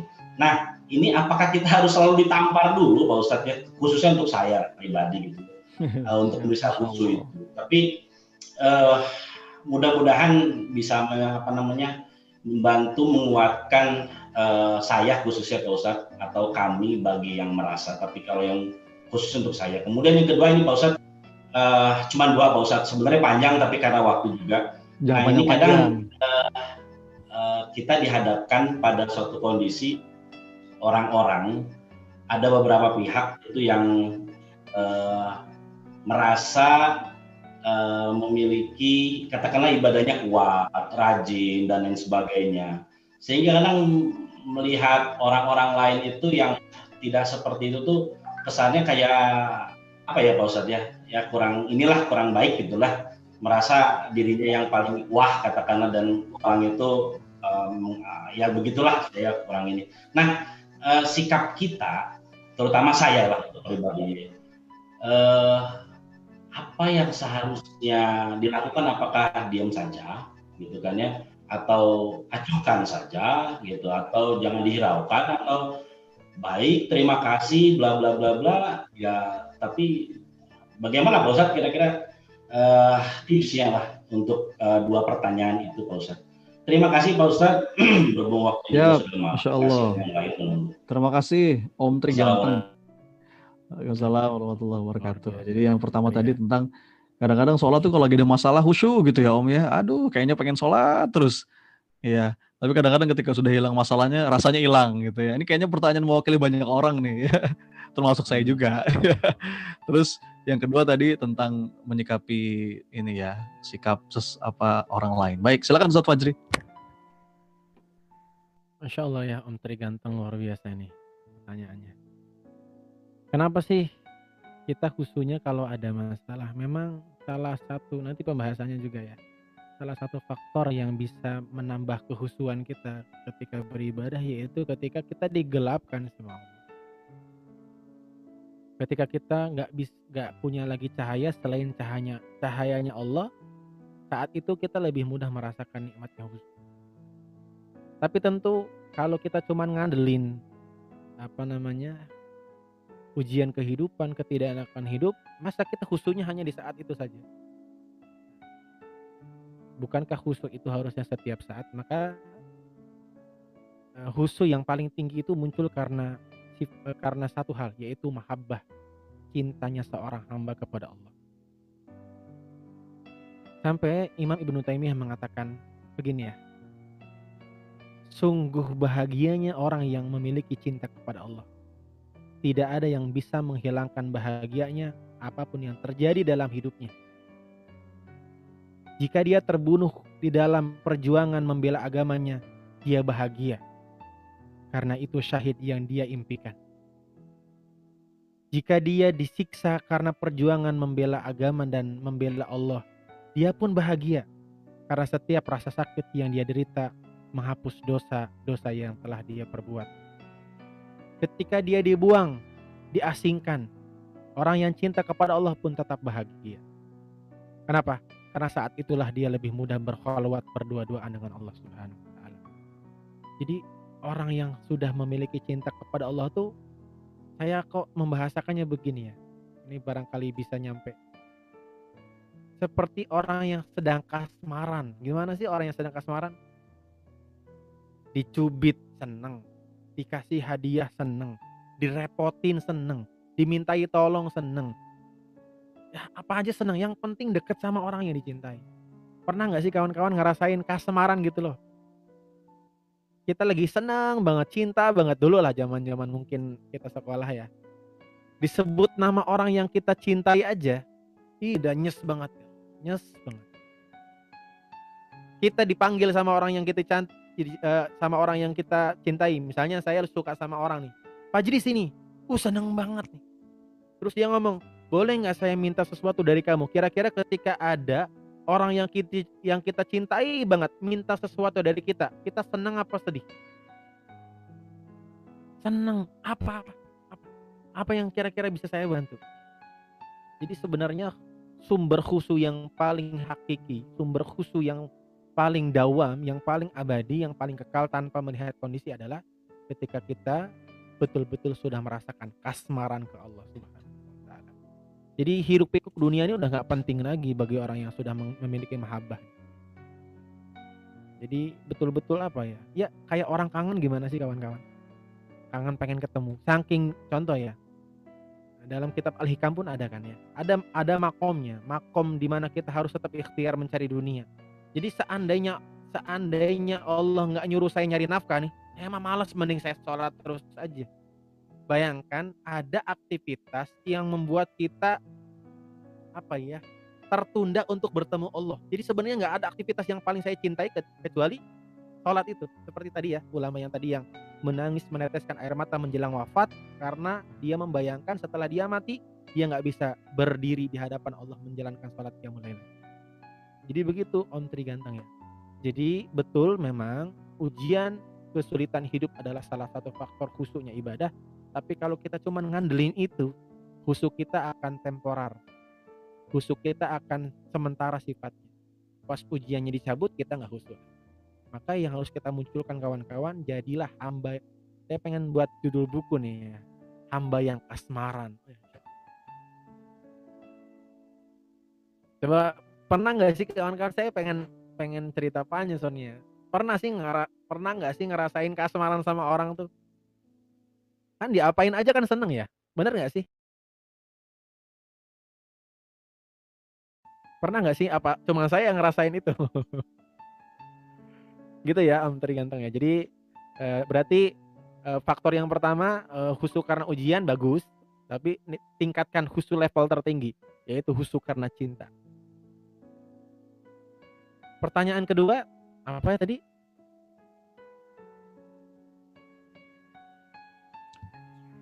Itu Pak Ustadz terkait dengan Oh iya iya. Beberapa iya, saya ingat, ya. saya ingat. Ingat Om Trigan. Ya, ingat Pak Ustadz ya. Eh, ingat Pak Ustadz ya. Yang lagi ini. Minum cerebrofit ya Pak Ustadz. Ini ada cerita nih. Untuk menjawab pertanyaan Om Triganteng ada cerita dari guru saya. Yang cerita ini saya kerasa ditampar bolak-balik. Ceritanya begini ada oknum kiai lagi jalan. Tiba-tiba di jalan itu juga jalan preman bertato, badannya penuh tato. Tiba-tiba oknum, saya katakan oknum ya. Oknum kiai ini jalannya lebih cepat, mempercepat lang langkah kakinya, sedangkan si preman ini memperlambat langkah kakinya. Si preman ditanya, Mas preman, kok jalan kamu diperlambat? Kenapa? Saya segan merasa nggak pantas jalan berdampingan sama Pak Kiai. Saya kan banyak dosa. Saya kayak gini, kayak badan saya aja kayak gini, masa saya jalan berdampingan sama Kiai. Jadi preman ini melambatkan langkah kakinya karena merasa dirinya hina. Sebaliknya oknum kiai, ustadz atau apa pun namanya itu mempercepat langkahnya kenapa? Karena dia merasa nggak pantas dia berdamping dengan orang yang seperti itu. Tahukah kawan-kawan, saat itu terjadi, siapa yang lebih mulia di hadapan Allah Subhanahu wa taala? Detik itu yang lebih mulia adalah mas premannya. Kenapa? Karena dia sampai pada titik hakikat ibadah, yaitu merasa hina. Maka benar kata guru saya, ngaku salah tuh soleh, ngaku soleh tuh salah. Ngaku soleh tuh salah. Ngaku soleh salah. Ngaku salah. Jadi kalau ada orang yang seperti itu, rajin ibadah malah tambah merendahkan orang, berarti hakikatnya dia belum ibadah. Karena ciri utama ibadah adalah merasa hina. Semoga kita diberikan perasaan hina oleh Allah Subhanahu wa taala sehingga kita tidak pernah ada ruang untuk merendahkan orang lain. Terus gimana kalau ada orang terus gini ya. Ini terakhir, boleh nambah sedikit ya. Satu ketika kita melihat orang yang nggak rajin ibadah, kita dimudahkan nih ibadah sama Allah kan ya, ngaji bareng kayak gini. mungkin di antara kita ada yang hafid Quran 30 juz dan lain sebagainya nikmat yang Allah berikan. Ketika kita melihat orang yang tidak sholat, tidak memakai jilbab, tidak bisa baca Quran, harusnya rasa yang dibawa adalah kita yang merasa hina, bukan kita menunjuk orang lain hina. Tahu nggak kenapa kawan-kawan? Guru saya bilang gini, jadi harusnya kalau kamu lihat orang yang nggak pakai jilbab, nggak sholat tuh kamu harusnya merasa hina. Kenapa? Coba apa bedanya kamu Fajri dengan orang itu? Seandainya kalau seandainya Allah nggak ngasih hidayah, kamu bisa lebih hina daripada orang itu. Mungkin kamu juga nggak sholat. Mungkin kamu juga ngapa nggak ngapalin Quran. Mungkin kamu juga nggak mau ibadah. Bedanya cuma satu. Kamu sudah diberi hidayah, dia belum. Itu aja. Maka harus kita bertanya, iya ya kelebihan saya tuh apa kok saya dipilih untuk dikasih hidayah yang sedikit ini? Bisa ibadah sedangkan mereka enggak. Jadi harusnya kalau kita melihat orang yang mungkin belum ibadah tuh harusnya kita merasain ya Allah saya kok merasa nggak pantas ya? Mungkin kalau engkau orang-orang yang melakukan maksiat itu murni ini pertolongan dari Allah. Makanya zikir yang sering, eh, sering saya ucapkan dan uh, saya sebut dan, dan ini menjadi ijazah dari guru saya itu zikir la haula wala quwata illa billah. La haula wala quwata begitu Om Tri ganteng semoga bisa Masya Allah mudah-mudahan menjawab ya Om Tri ganteng Insya Allah dan mudah-mudahan apa yang disampaikan oleh Ustaz Fajri adalah untuk menilai diri kita sendiri ya bukan untuk menilai orang lain menghakimi orang lain tapi semuanya tertuju pada diri kita sendiri. Masya Allah. Baik teman-teman terhormati Allah waktunya sudah habis. Terakhir ini ada yang kelupaan tadi ini pesan dari sponsor. Nah, nanti saya bisa dimarahin nih kalau nggak disampaikan pesan sponsor ya. Ini ada teman-teman insya Allah hari Kamis besok di Live Herbal itu akan membuka ag keagenan. Ya dan ini ada beberapa special promo ya dari hampir 50% ini untuk teman-teman yang menyimak webinar teras malam hari ini dan silakan dicatat aja uh, nomor kontaknya di bawah ini teman-teman. Insya Allah juga ini akan kita blast nanti di grup Telegram dan channel-channel teras PPA ya. Hari Kamis besok insya Allah ada launching keagenan dari Be Life Herbal, salah satu sponsor dari webinar teras PPA kita uh, di setiap pekannya. Baik, terima kasih teman-teman yang dirahmati Allah. Masih ada pertanyaan itu saja yang nggak bisa yang nggak bisa dijawab semua, ya karena waktu dan mudah-mudahan malam hari ini menjadi malam yang uh, penuh berkah untuk kita semua. Stay tune terus dan setiap hari Selasa malam dan Kamis malam insya Allah kita kita ngumpul di majelis webinar teras ini. Kepada Ustaz Fajri, terima kasih Ustaz atas ilmunya. Mudah-mudahan Allah berkahi antum. Allah jadikan keluarga antum bahagia, ya, sakinah mawaddah warahmah, dituntun terus ditemenin Allah terus setiap saat. Baik, kita tutup dengan doa kafaratul majelis. Subhanakallahumma wa bihamdika asyhadu alla ilaha illa anta astaghfiruka wa atubu ilaik. Silakan sekarang semuanya bisa open mic untuk say dadah. Terima kasih. Assalamualaikum Ustaz. Ustaz jazakumullah khairan katsiran. Waalaikumsalam Ustaz. Terima kasih. Jazakumullah khairan.